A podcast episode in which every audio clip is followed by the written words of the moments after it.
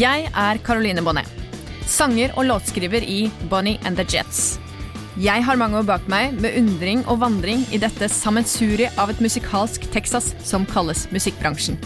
Det er mange historier, mange skjulte fakta og ikke minst mange spennende folk som skjuler seg bak denne bransjen fylt av eksentrikere, nevrotikere og alle slags snodige outcasts.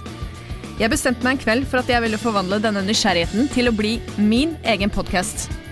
Jeg kommer til å invitere forskjellige gjester fra bransjen som forhåpentligvis vil fortelle meg noe nytt som muligens verken jeg eller du visste fra før. Hver episode vil kunne belyse kjente og kanskje ikke fullt så kjente sider av nettopp musikkbransjen. Dette er hashtag bransjen.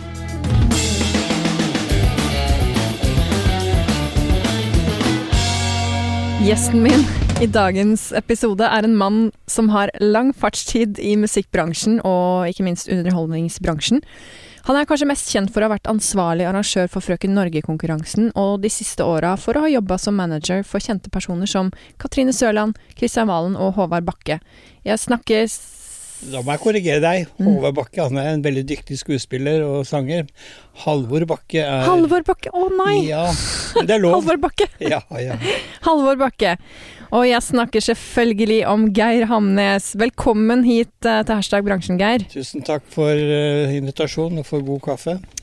Ja, det er deg vi skal takke der. eh, For du er jo da i samme bygg som vi driver her i lekerommet. Eh, Du har jo eh, tross alt lokalene her og leier ut til oss. Eh, Så det var veldig fint at vi endelig fikk til å ta en prat her i eh, podden.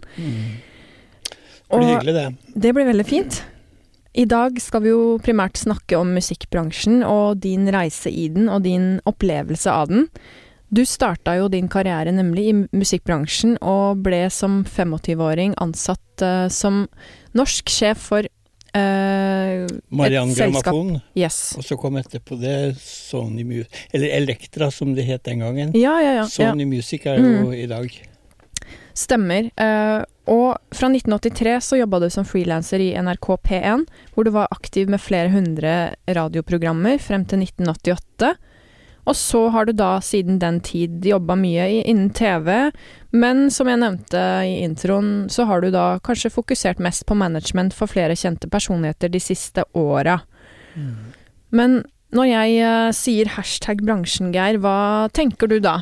Ja, så reisen min, den begynte jo i, i musikkbransjen. Jeg em, Etter eh, fullført utdannelse så klarte jeg å snike meg unna og slippe militæret fordi at jeg hadde fått en veldig morsom jobb som selger i et selskap som het Euronett. Den gangen eh, Euronett var da ledende i Norge på salg av eh, plater og kassetter til bensinstasjoner, og altså ikke musikkforretten, for de tradisjonelle forhandlerne. og det var jo en stor virksomhet. Og da skjønner folk at jeg er blitt litt eldre etter hvert, men, eh, men eh, det var en herlig tid. Og så var jeg og gjorde noen grep som gjorde at jeg både ble pappa og gift før jeg var 20. Oi, At ikke det varte, det er jo en annen historie. Men Ja. eh, da passet det veldig bra å ha en god jobb. Det var delvis provisjonsrelatert, men det gikk veldig bra. Så i løpet av de første tre-fire årene i, i Euronett så, så klarte jeg å ta steget fra å være i hermetegn en vanlig selger til å få ansvaret for alle selgerne i selskapet som var rundt i landet. Mm. Og det gjorde at jeg fikk en, en ganske fin og herlig start på, på det hele, og var bl.a. med på eh, i min tid i Euronett eh, lanseringen av eh, Ikke ukjente bånd hjem i 1976. Ja da kom deres uh, debutplate 'Daddy Cool', og, og det ble jo en megahit. Um, og den reisen fikk jeg da være med på, og det gjorde jo at jeg uh, var i en sånn situasjon at um, jeg fikk veldig mye lagt på et sølvfat. Hm. Um, så allerede året etter så valgte en av de som satt i ledelsen i Euronett og ville bryte ut, Uh, starte for seg selv, startet et selskap som het Intersound, og um, han lurte på om jeg ville være med på det, eh, den reisen. Og jeg eh, tenkte at det har jeg veldig lyst til. Da fikk jeg også være eh, medeier i selskapet. Mm. Og vi er da kommet frem til um, jeg må korrigere litt på dette med alder, forresten. Fordi Ja. at jeg, jeg var ikke 25, jeg var 26 da jeg begynte i Mariann, og Ja, okay. 28 da jeg begynte i Elektra. Ja. Fordi da vi startet opp um, eh, Intersound i slutten av 70-tallet, 79, Mm. så um, fikk vi agenturet på uh, Mariann Grammafon, som var da et svensk platemerke, uh, og stort i Sverige med Vikingerne. Alle, alle dansebåndene var på Mariann. Ok. Og så hadde vi i tillegg fått eh, rettighetene for eh, et selskap som het K-Tel, som da drev med samleplater og var store på 70-, 80- og 90-tallet med sånne samleplater med kjente artister fra forskjellige labeler. Mm. Um, og jeg I den anledning så startet vi eh, et eget, en egen label her i Skandinavia som vi kalte for, Arrival Records. Mm. Og um, på eh, Midem-festivalen i eh, Midem. Midem, ja, som Ja. er den Det er liksom filmfestivalen, eller musikkbransjens svar på filmfestivalen i Cannes. Okay. Det var der man på å si, sikret seg rettigheter på labeler og, og på ja, rettigheter for territorier når platemerker. Ja. Så vi klarte da å få øh, rettighetene når vi, i, når vi, i forkant at vi starta opp, når vi opp øh, Intersound i, i 79 78-79 Det er noen år siden. Mm. Så det første gangen vi var på Midem, så klarte vi da å sikre oss rettighetene på en gruppe som besto av seks homofile menn. Eh, Uh, det viste seg jo da etterpå at det var bare fire av de som var homofile. De er Ja. bedre kjent som Village People.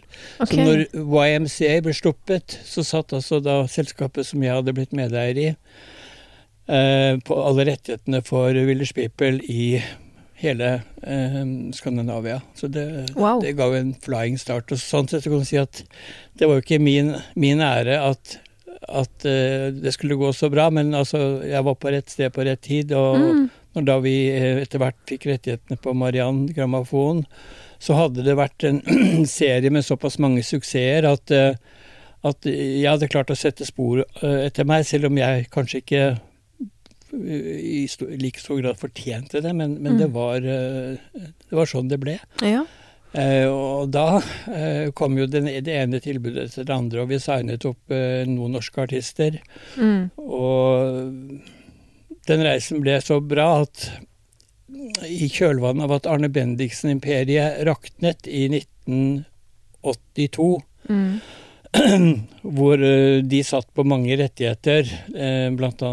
platemerkene RCA, eh, Tamla Motown, Telefunken eh, osv., så, så blir det jo da at eh, svenske Grammofon AB Elektra, som satt på rettighetene for hele Skandinavia, hvor Bendiksen og, og hans eh, selskap satt på rettighetene for Norge, så måtte Mm. man jo da gjøre noen ting. Og da valgte svenske Elektra å etablere eget selskap i Norge eh, sen høstes 1982. Og jeg gikk da fra stillingen som daglig leder i Mariann Mm. og over til Elektra. Og vi hadde vår offisielle start 1.1.1983. Ja. Det året, jeg må bare si det, det Ja, ja. året eh, Nå prater jeg mye, men, men det året ble jo det som på måte på mange måter ble det, det ultimate året mitt i musikkbransjen. Fordi at ja, hvorfor det? fordi det året så var det noen artister som valgte å komme ut med plater. Jeg kan nevne i fleng. Ja. Eh, Lionel Richie kom med sitt debutalbum som soloartist det året. Ja. Eurythmics lanserte sitt første album og Mm. ble umiddelbart en stor suksess over hele verden. Kenny Rogers fikk med seg Dolly Parton og lagde en duettplate. ja. Eh, Stevie Wonder ga ut et album som Ja. gikk veldig, veldig bra. Slade gjorde comeback det året. Det eneste minuset for eh, konsernet, eller Elektra-konsernet i 1983 var da at David Bowie, som hadde vært på RCA Mm. siden starten, valgte å bryte med RCA og gikk over til EMI. Ok.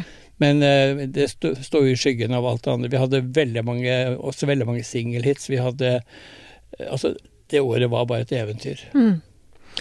Men for å spole litt tilbake, da, så er jeg litt sånn nysgjerrig på om du har noe spesielt minne fra in din inntreden i musikkbransjen. Hva, hva tror du grunnen var til at du plutselig var så involvert i et stort plateselskap som så du ble? Det begynte, altså For det første har jeg alltid vært interessert i musikk, Ja. uh, helt fra barndommen. Og når jeg og, eh, andre året på ungdomsskolen, i niende klasse, så ble jeg eh, dis, eh, DJ, eller discjockey som det het den gangen. Ja, var det det, ja? Og, og var det på alle skolefestene på Groruddalen hvor jeg gikk. Mm. Eh, og det hadde gitt mersmak, så vi var nå en vennegjeng da fra skolen som startet et ambulerende diskotek.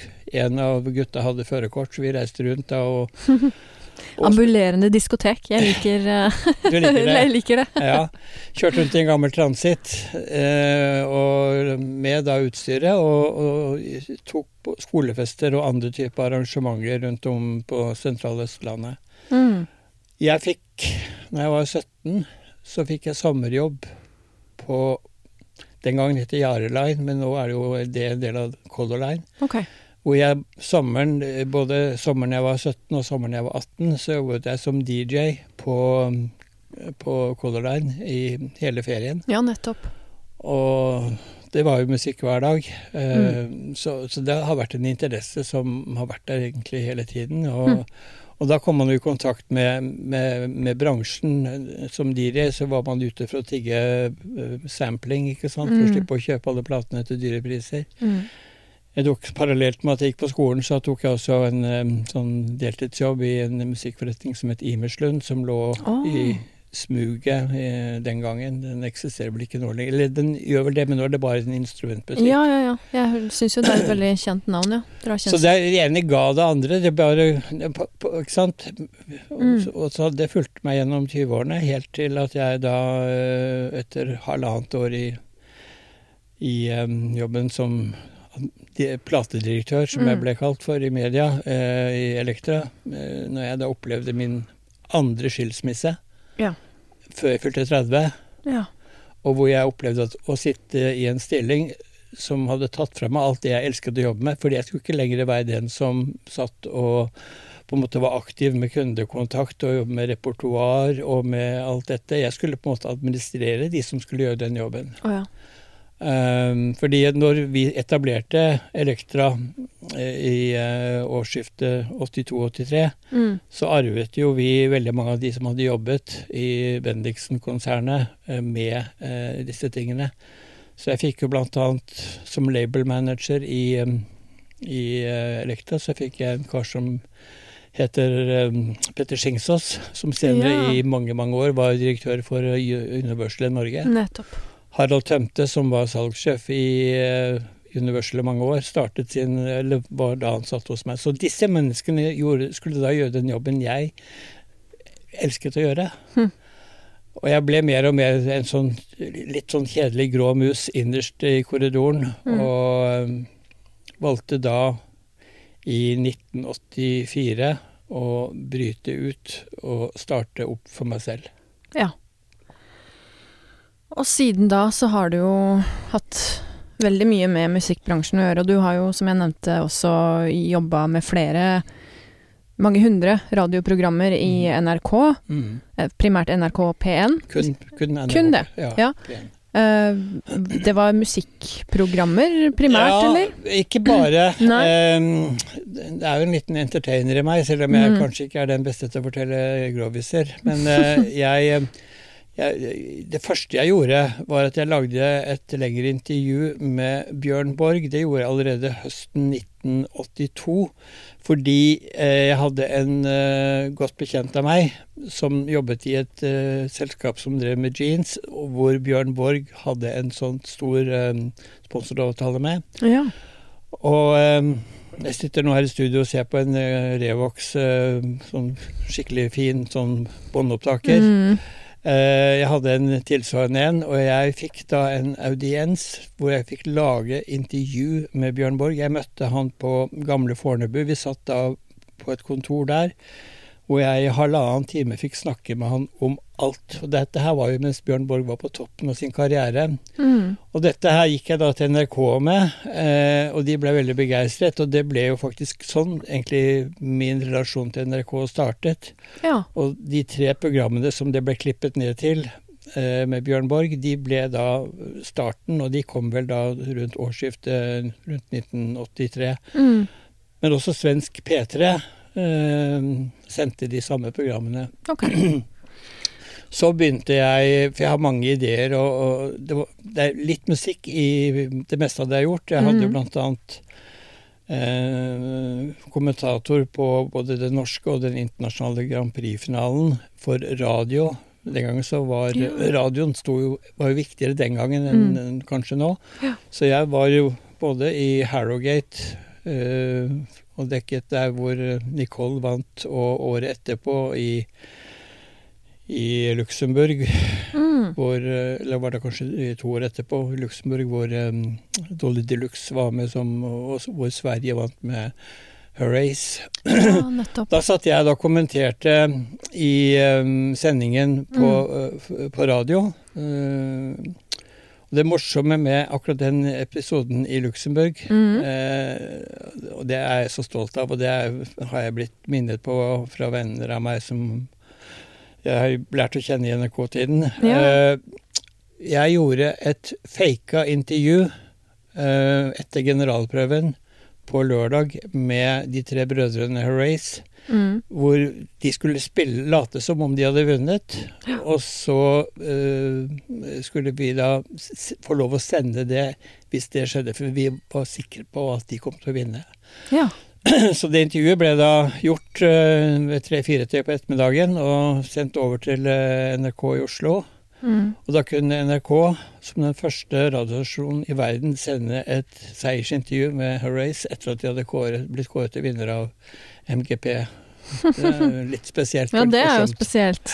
Ja. Og de gutta var, husker jeg, de var veldig flinke til å være med på dette her og late som at de var jetteglade, og Ja, ja, var ikke måte på. ja. Gøy. Mm. Men du har vel sikkert uh, reist en del rundt også i forbindelse med artister og band du har jobba med? Vært på litt turneer og forskjellig? Ikke mye, fordi Nei. Jeg har reist veldig veldig mye, men det er jo i løpet av de 25 årene jeg jobbet med Miss World og Miss Mm, Universe. De mm. brakte meg jo til alle verdensdeler unntagen Australia. Ja. Kina, Filippinene, Afrika flere ganger, Sør-, Mellom- og Nord-Amerika. Mm. Men med artister så har jeg ikke reist så veldig mye i den tiden, fordi jeg var jo som sagt de siste halvannet året av min tid i musikkbransjen, så var jeg sånn grå mus lengst inn i korridorene Mm. hvor jeg satt egentlig og skulle bare administrere og egentlig ikke være så aktiv ute. Mm. Eh, Ja. Men jeg har jo da i min tid i showbiz så har det blitt mye reising, og den tiden i NRK ga meg også noen muligheter til å reise til ulike steder. Ja.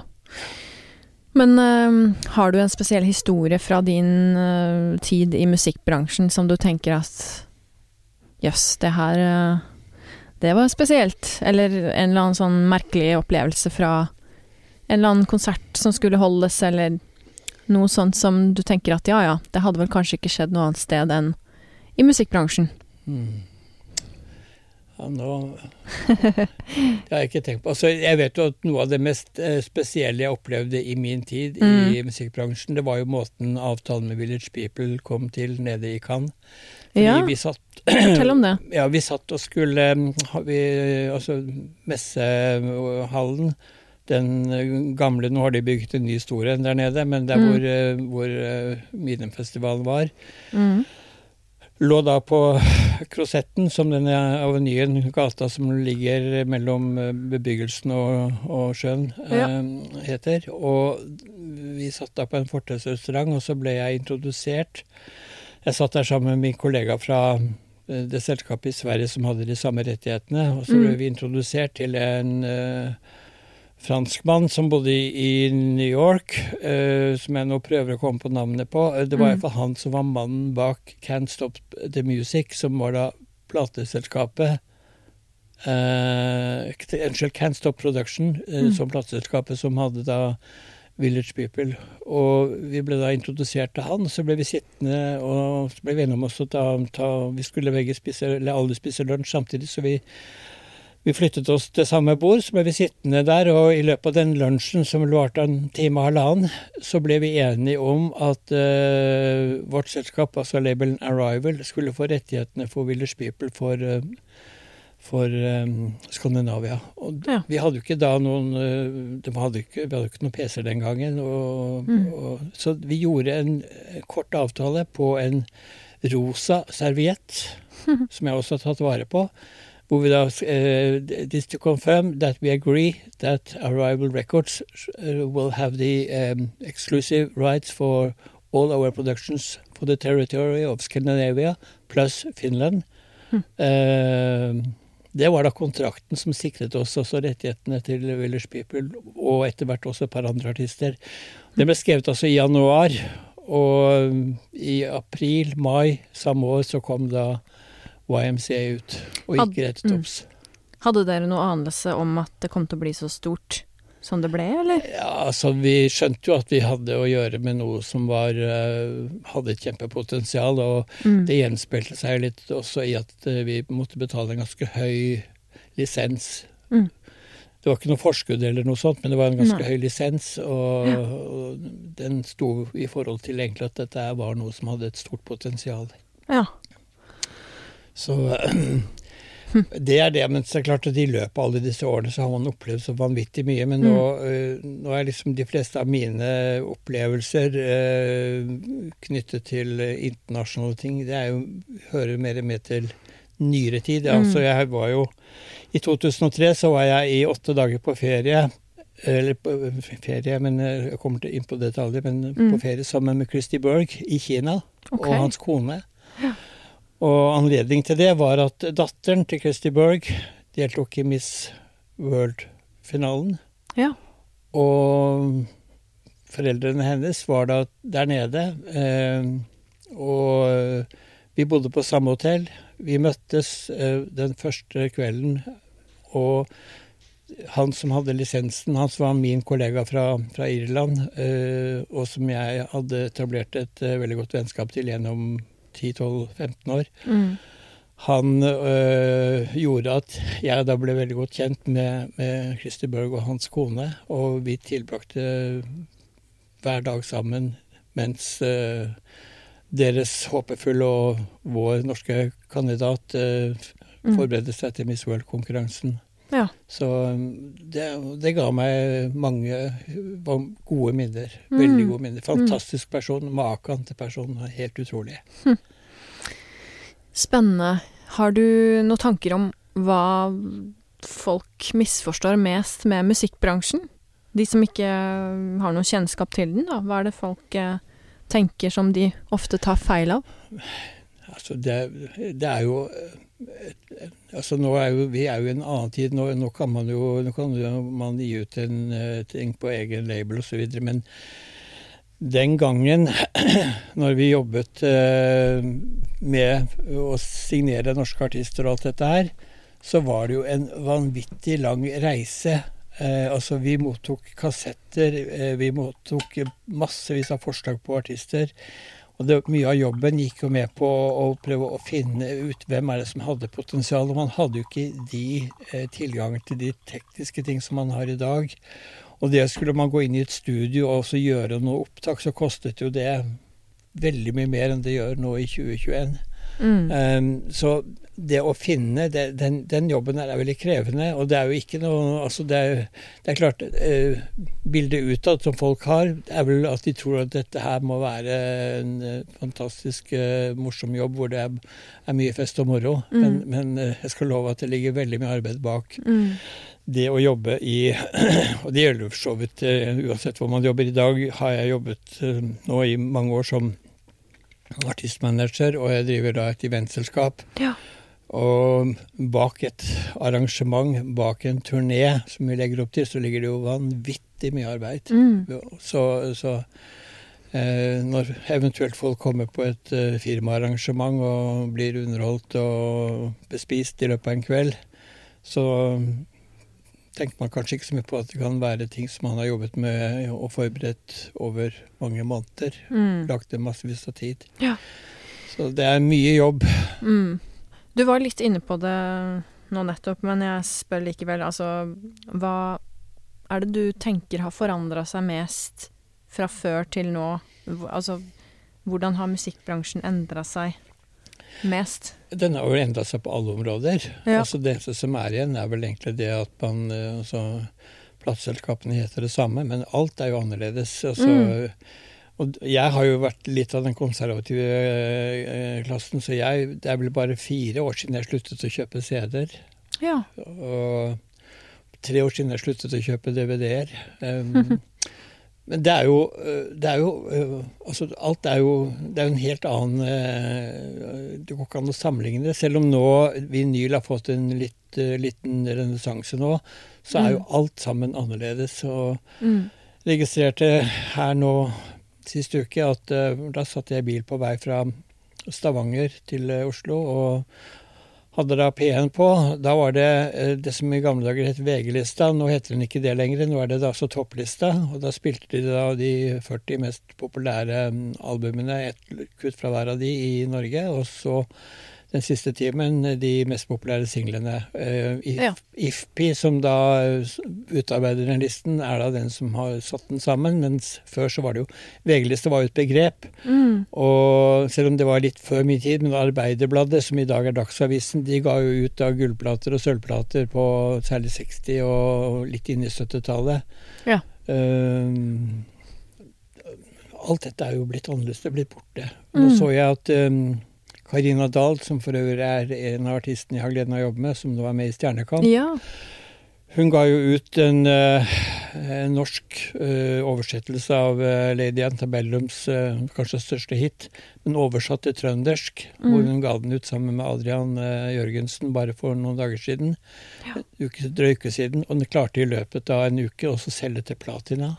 Å ja. Ja, Så det er jo kun Det er ikke fysisk, eh, det er jo Mm. nedlastninger. Ja. Som, så, så alt jeg er sånn sett er jeg jo glad for at Jeg sliter jo av og til med å huske PIN-koder. Jeg lurer på hvordan jeg skulle klart meg i musikkbransjen i dag med, med, Mm. med alt som er der. Så har jeg jo ikke hatt den nære relasjonen til musikkbransjen uh, de, siden ja, siden egentlig jeg sluttet eh, å jobbe i den. Eh, kontakten min har jo vært da ofte da med artister som da igjen eh, og det, det kan jeg jo nevne, det var litt morsomt, fordi når jeg startet opp for meg selv eh, tilbake i 1984, Ja.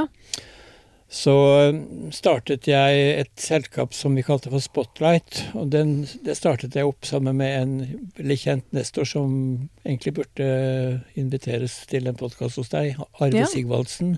Det skal jeg notere meg. Arve Sigvaldsen var jo mannen som, eh, som bl.a. oppdaget eh, Inger-Lise Rypdal, Andersen som hun het den gangen. Han ga ut treffplater, han var jo en stor eh, Og skrev massevis av tekster. Mm. Han og jeg startet opp firmaet Spotlight, og de første tre artistene vi signet, det var da Kate Gulbrandsen, Mm.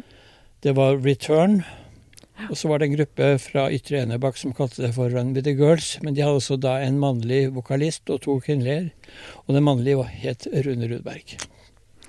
Så de tre artistene var jo eh, med helt i den første fasen, og eh, og mm, jeg begynte da å jobbe med å formidle underholdning ut til eh, ja, diskoteker og Fordi på 80-tallet så var det jo Jeg sier at diskotekenes glansalder, den Mm. gamle Altså den tradisjonelle diskotekformen var på 80-tallet og kanskje litt inn i 90-tallet. Men Mm.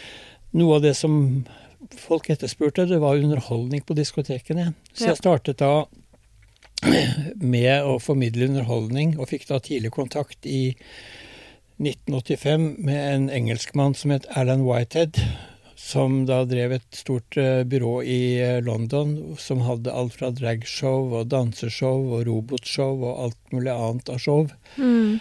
og ble da hans agent i Norge. Så vi hentet over mange artister og, og det å som skulle da turnere på diskoteker rundt i, i, i Norge. Mm. Alan Whitehead var eh, egentlig en superkjent person, som ikke jeg var klar over egentlig før jeg da fikk på å si hele historien. Men han var jo trommeslager i en engelsk gruppe som het Marmalade, som Ja. annet gjorde Obladi Oblada før Beatles gjorde den. Selv om det var Beatles som hadde originalen, så var det jo okay. Marmalade sin versjon som, som ble den store hiten først. Eh, han spilte trommer der. Og han uh, For øvrig en stor flørt av en person. Han, han hadde sikkert en ny dame hver annen dag. Eh, men det mm, Hørtes slitsomt ut. Ja. Men han, han ble da en som jeg begynte å jobbe tett med, og jeg nevner han nå litt fordi at han er årsaken til at jeg da året etterpå startet med Frøken Norge-konkurransen. Ja. Fordi eh, han eh, kjente da de som, eh, som eide Miss World-konkurransen. Mm. Eh, og de hadde da i en samtale så hadde han blitt spurt om han kjente noen i Norge som kunne tenke seg å drive med det. Og jeg tenkte da når jeg fikk det tilbudet et år, drøyt år etter at jeg begynte å jobbe med Underholdningsdiskoteket, så tenkte jeg herregud, det er jo en fantastisk mulighet. Mm. For det er jo på diskoteket man finner alle de flotte jentene. Så det ble på en måte begynnelsen. Og så var det jo noen tøffe år de første to-tre årene jeg drev med Frøken Norge. Det, Mm. det, det var nesten bare motstand. Ja. Inntil at uh, ei jente fra Trøndelag som heter Mona Gruth, gikk hen og vant i 1990. ja. Og da fra da så ble det over natta snudd opp ned. Da var det så stuerent. Og det var Mm. Jens på Slottet hos daværende kronprins Harald og kronprinsesse Sonja. Eh, Det, var, eh, det ble en helt ny tidsepoke. Da var det innafor. Ja, og Ja. da var plutselig TV 2 der når de begynte i 1980, 1992 å Mm. så var de der. Og 1995-finalen på Frøken Norge var det årets nest mest sette program på kanalen, med over 1,2 millioner seere på en halvannen time lang direktesending. Det er mye. Tenk på det. Ja. Men uh, tilbake til musikkbransjen. Når du booker jobber og sånn, for du, det har du jo gjort mye for band og artister, og jeg vet jo at du booka uh, turné for uh, Fab 3 når de spilte rundt. Elvis Tribute Band. Ja. Med Steven Ackers, Paul Flåta, Flåta og um, Vidar Busk. Stemmer det. Har du noe spesielt triks eller noe Altså, har du noen tanker om hva, hvilken utfordring som er størst i forhold til booking i dag, da? Ja, det er jo Altså, veldig mange av kulturhusene er jo kommunalt eid. Um, og da er man litt avhengig av si, hva kommunen lokalt har bestemt i forhold til leievilkår. Uh, jeg kan si at den største utfordringen jeg har hatt med booking, Mm. uh, det strekker seg jo tilbake egentlig til Uh, helt tidlig på 2000-tallet, da jeg begynte å booke Kristian Valen og Ja. uh, Kjetil og Kjartan, som var et annet komikerpar. Men de, de største utfordringene jeg har hatt i løpet av alle de årene jeg jobbet med booking, det var jo da når vi i 2018 og 2019 skulle gjøre Elvis Gospel i norske kirker. Ja, ok. Der var det utfordringer. Det kunne altså bare fra én by til en annen by, så var det helt forskjellige regler. Og noen steder så måtte vi sende ikke bare repertoaret på hvilke sanger vi skulle spille, men vi måtte vedlegge tekstene, fordi man, så kirke, bispe, eller Kirkerådet skulle da på en måte godkjenne at ikke det var noe som var skadelig for publikum. Altså det var helt Ja, ekstremt. Så det Eh, var helt individuelt, det da, ut ifra Ja, ja. hvilken by og Ja. hvilket eh, bispedømme, er det det det heter? Eller um, er bispedømmen Jeg vet ikke helt. eh, Ja. Men eh, det, det er altså alle, alle, alle, altså alle, alle byer har jo kirkeråd, Mm. og, og, og igjen i, no, Noen steder er det både domkirke og vanlig kirke, og, men, og de har forskjellige regler. Og, Ja. det var sånn med Elvis Gospel f.eks. at en by som Fredrikstad Mm. fikk vi aldri besøkt, fordi at eh, der skulle de ha en leie på 25 av omsetningen. Oi. Og de argumenterte med at eh, det kan Helene Bøksle betale når hun kommer og har julekonsert. Eh, da må dere også kunne betale det. Mm. Poenget er jo da med den sammenligningen Mm. Helene Bøksle kom sammen med tre musikere og en tekniker. Ja. Vi reiste rundt med 16-17 opp til 18 eh, på veien, med da 12-13 på scenen med kor og Mm. blåsere. Og vi hadde et helt annet kostnadsbilde, men eh, det klarte ikke de kirkene å se forskjell på. Så der var det veldig eh, mye. Og så kunne vi reise til Molde. Mm. Der skulle de ha en leie på 6 Ja. Ja. Det er jo enorm forskjell, da. Ja, Så det, det er jo den utfordringen. Men eh, utover at jeg jobbet med Fab 3 og booket uh, alle de nærmere 400 konsertene de har gjort siden de startet samarbeidet i januar 2015, er jo at jeg har Mm. eh, jeg har booket eh, tre-fire av de store turneene til Åge Steen Nilsen, eh, The Show Must Go On. Ja, nettopp. Og det har vært eh, både morsomt og, og, og, og spennende. Mm. Åge leverte jo hver eneste gang. Og han, det som egentlig skulle bli en til sånn hyllest, bare å lage noen få konserter for han i rundt 2007-2008, det ble jo til at han holdt jo på med dette i over ti år. Ja.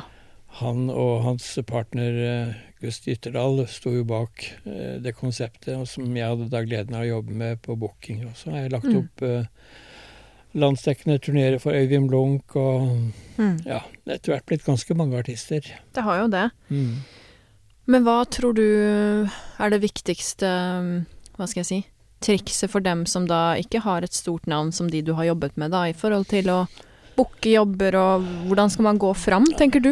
Jeg har litt vondt av nye artister, fordi at man er så avhengig av altså, det er, øh, altså En ting er hvis du, klart, hvis du lager en låt som, som du klarer å få eh, til å bli en hit, så, så, er jo mye gjort. Men bare mm. det nåløyet å komme dit og du skal da, hvis ikke du da har et stort plateselskap i ryggen, så er du enda brattere. Fordi jeg har jobbet eh, også da, etter at jeg for mange år siden jobbet i P1, men jobbet da inn mot P1, eh, og dette skulle få måtte utfordre musikksjefer. Ja.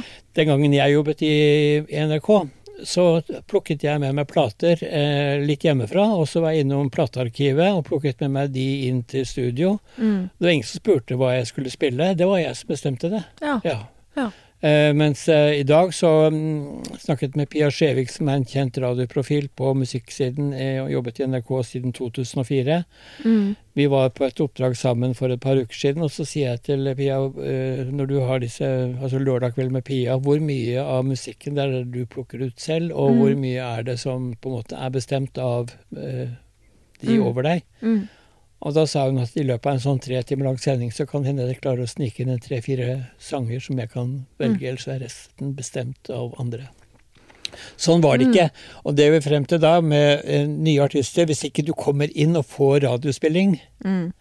så, så eh, hvordan skal du da klare å på en måte få eh, nådd ut til publikum. Mm. Uh, det å komme inn i TV-programmer altså TV er jo det aller viktigste mediet uh, fortsatt. Uh, ja, det er det. Mm. Og, og, klart, kommer du inn og blir kasta til at du får være med på The Voice eller på Norske Talenter eller på Idol, mm. så har du selvfølgelig en, en åpning der. Ja. Og det er flere ganger at jeg har fått uh, kontakt med artister som har lurt på om jeg kan ta management for dem. Mm de, ikke, de, har ikke noe navn, de har, ikke, de har, de har kjempetalent. Mm. Men som jeg sier, jeg kan ikke gjøre noen ting uh, hvis ikke du selv klarer på en måte å ta det første steget, slik at det, folk blir oppmerksomme på det. Fordi jeg har ikke kapasitet til å skal gå, reise rundt og banke på mange dører til mm. plateselskaper. Mm. men det, er kanskje, det, det, har jo ikke noe med uh, hvordan andre kanskje vil kunne jobbe, men i mitt tilfelle så har ja. jeg vært nødt til bare å sa at meld deg mm. på på The Voice eller noen mm. av de mm. musikkprogrammene, så har du kanskje en, en, en, en mulighet. Mm. Det er ikke så enkelt. Jeg, jeg, jeg, vet egentlig ikke hvordan man det, det, det, er klart, har du kjempetalent, du skriver en bra låt, og du har, du har den rette pakken, så, så, er mye gjort. Ja. Men du må også komme ut med det. Mm, det er det. Det er en lang vei å gå for mange, og det er klart de du jobber med, har jo også gått en lang vei for å være der de er. Mm. Uh, og noen av de har du kanskje blitt kjent med etter de ble kjente, mens andre har du kanskje fulgt hele veien? Ja, altså på, på musikksiden så har jeg jo um, de mest fremtredende som jeg jobbet med der, som da Åge Steen Nilsen og mm. Fab 3, altså Flåte, Ekkel og Busk. Ja. De har jeg jo, med unntak av Steven Ackles, som faktisk var gjest hos meg i et av mine programmer etter at jeg sluttet i P1. Så Oi, var jeg tre år på å jobbe TV, mm. og i et av de programmene på TV så, så var Steven gjest en gang. Eh, hadde et program som het Country Bar, som gikk på TV4, som i 1990 og 1991 var et svensk-norsk eh, satsingsprosjekt og så valgte de da på slutten av 1991 å legge ned i Norge og bare satse på Sverige. Og, mm. Så, ja. Bortsett fra det, så er det alle de andre musikalske artistene har jeg, har jeg blitt kjent med etter at de var etablert. Mens Kristian mm. Valen var jeg med på hele reisen fra starten, fra han flyttet fra Stavanger og, til Oslo og fikk ja. TV-kontrakt. og Og resten har jo bare vært en lang reise. Med Ja. Mest oppturer, noen Mm. få nedturer. Mm. Men han har jo også gitt ut musikk. Har Det det var du involvert i det, eller? 100 Ja. jeg som fremforhandlet avtalen okay. eh, med, med plateselskapet. Ja. Eh, som Jeg husker de lå i Kolland. Det var en danske som var sjef der, Kai Leitner. Eh, men jeg husker ikke hva selskapet het. Mm. Eh, men de ga ut eh, Og det var vel i 2005 eller 2006. Og den Mm. eh, singelen fra det albumet ble jo faktisk en veldig populær låt. Ble veldig Mm. mye radiospilt. Ja. Så, um, og Kristian hadde jo en tid, så hadde han jo lyst til å både bli popstjerne, være den morsomste mannen i Norge, bli Mm. filmstjerne. Han hadde liksom lyst til å gjøre alt. Mm. Og innså etter hvert at, eh, at han skulle gjøre det han var best på, og det han var mest populær på. Det Mm. var jo å være en dyktig komiker og imitator. Ja. Men øh, eh, all ære for eh, det albumet som han ga ut. Eh, så har han gitt ut noen singler i senere tid. Blant annet så har han laget en egen versjon av Jolene til Dolly Parton. Så en egen tolkning. Som Har det, ja? er litt sånn dansversjon. Mm. Så det er ikke noe tvil, han har jo en bra sangstemme. Absolutt. Eh, så, um, Hm. Men det er nok komiker han vil bli husket Ja. for å ha vært. Med Og god grunn, da, for Ja. å si det mildt. Men uh, du er veldig glad i country. Elsker country. Du er en uh, ja, veldig countryfan. Ja. Har du noe spesiell um, artist som er favoritt der, eller? Ja, jeg har mange. Ja. Jeg må bare si da, Vi var inne på det for noen få øyeblikk siden rundt dette her med disse norske talentkonkurransene. Han som vant da The Voice sist, han fra Grimstad, som jeg ikke kom på hva heter, som Mm. da var country. Han tror jeg kommer til å bli stor. Han Ja. var bare helt fantastisk. Han vant jo Idol eh, nå i vår. Okay. Og gjennom hele eh, runden fra første til finalen, Mm. eh, så var det kun country og countryinspirerte låter han, han gjorde. Mm. Når det gjelder hvem jeg har som favoritt, Mm. så er det mm, egentlig mange. Jeg, jeg kan godt høre på litt gammeldags country, men Mm. jeg er nok litt mer altetende. Eh, Det er litt originalt å si at Johnny Cash var den beste, Mm. for det, det var han. Ja. Men eh, jeg har mange artister som jeg elsker. Garth Brooks og Alan Jackson og, Mm. og ja. Så eh, Jeg hadde litt i forhold Noe av det som jeg husker tilbake fra Nå blir det litt hopping i tid, men når vi, dette ble ble i året 1983, da når vi startet Elektra, så var det en artist på på eh, RCA som hadde gitt ut en tre-fire plater, men det hadde aldri slått til i Europa. Så kom de med et nytt album eh, det året, og det albumet var etter min mening så bra at den hadde massevis av potensial. Eh, og vi klarte faktisk å få den inn på VG-lista, og gruppa het Alabama. ja. Fantastisk vokal. Eh, eh, og en gruppe som fortsatt eksisterer faktisk nå i 2021. Mm. Selv om de sikkert er nokså gråsprengt i håret, så, så er det en, en, gruppe som jeg eh, Og 90 Gritty Dirt altså Det er så mye der Mm. Å, rangere de forskjellige opp mot hverandre er, blir eh, Mm. også veldig feil. Ja, ja, ja. Eh, Men det er klart, det er jo noen som du ikke kommer utenom. altså. Mm. Jeg sa Johnny Cash. eh, Mm. Dolly Parton, det hun har klart å levere av både låter og, Mm. og egne innspillinger, er jo helt fantastisk. Hva tror du er den største forskjellen mellom musikkbransjen i USA og Norge? Ja, så, jeg tror jo at en av de tingene er at uh, USA er jo et land som da er så mye større. Det er så uh, Altså, vi bor 5,4 millioner i Norge. Det Mm. er 332 millioner i USA. Ja. Uh, amerikansk Altså, for det første er det amerikanske eh, lynne. Altså amerikanere og nordmenn er veldig forskjellige. I Norge så er for veldig mange janteloven sterkere enn kjønnsdriften. Ja, ja. Mens i USA så elsker jo uh, folk at eh, andre lykkes. Mm. Og det og den positiviteten og at man blir backet opp, uh, og, og dette var innmari bra osv.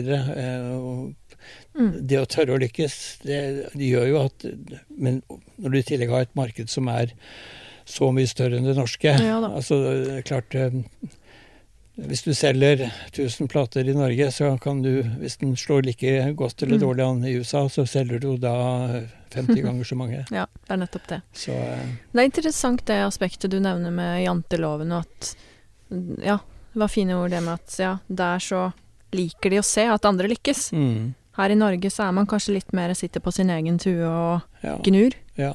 Har vært, i hvert fall. Ja, og jeg tror nok at Og det gjaldt jo så Jeg lærte jo å bli kjent med janteloven først og fremst gjennom tiden med Frøken Norge. Men, Ja. men jeg ser dette her med at det å stikke hodet frem, Mm. det er ikke noe som helt passer den norske folkesjela av en eller annen grunn. Nei. Man skal være litt mer som man, man skal ikke slå seg på brystet og si at jeg er best. Nei. Eh, men det er greit at andre sier det, men da skulle du være ydmyk og si at eh, nei, men det er mange andre som er like bra eller bedre enn Mm, meg. Men mm. eh, du stiller noen vanskelige spørsmål når du ber meg sette opp Norge mot USA, fordi Ja. selv om jeg har vært mye i USA eh, og er veldig fan av USA, Mm. så evner jeg også å se de negative sidene. Jeg må si Mm. at eh, en viss en mann som var min sjef i elleve år, Ja. mens jeg jobbet med visse konkurranser, eh, ble jo da for fem år siden valgt til president i USA. ja. Donald Trump eide jo Miss Universe-selskapet i elleve år. Og, Gjorde han det, og jeg møtte han flere ganger, men altså han har på en måte fått meg litt sånn øh, Jeg er ikke sikker på om jeg er så glad i USA lenger. For jeg syns Mm. på en måte øh, det USA som vi ser i dag, og de Altså de, de blokkene som har blitt der borte, jeg syns det er skremmende. Og Mm. jeg vet ikke om jeg har lyst til å reise dit bort øh, på noe ferie, sånn som uh, jeg gjorde flere ganger tidligere. Mm. Det, er, um, det er skremmende. Ja. Og det er, tror jeg mye av årsaken til det er at han uh, gale Donald Trump Mm. har klart å skape det skillet mellom folk. Mm. Ja, det er skumle greier, det der. Men uh, apropos det å stikke hodet fram. Du har jo vært en person gjennom hele din karriere som har uh, tort å vise seg fram og tort å gjøre ting og være modig og satse på selskapene du har starta og diverse. Mm. Når du ser tilbake på din uh, reise i musikkbransjen og underholdningsbransjen, da er det noe råd du ville gitt til deg selv som uh, ung og lovende Geir Hamnes, som skulle ut i den store, stygge musikkbransjen?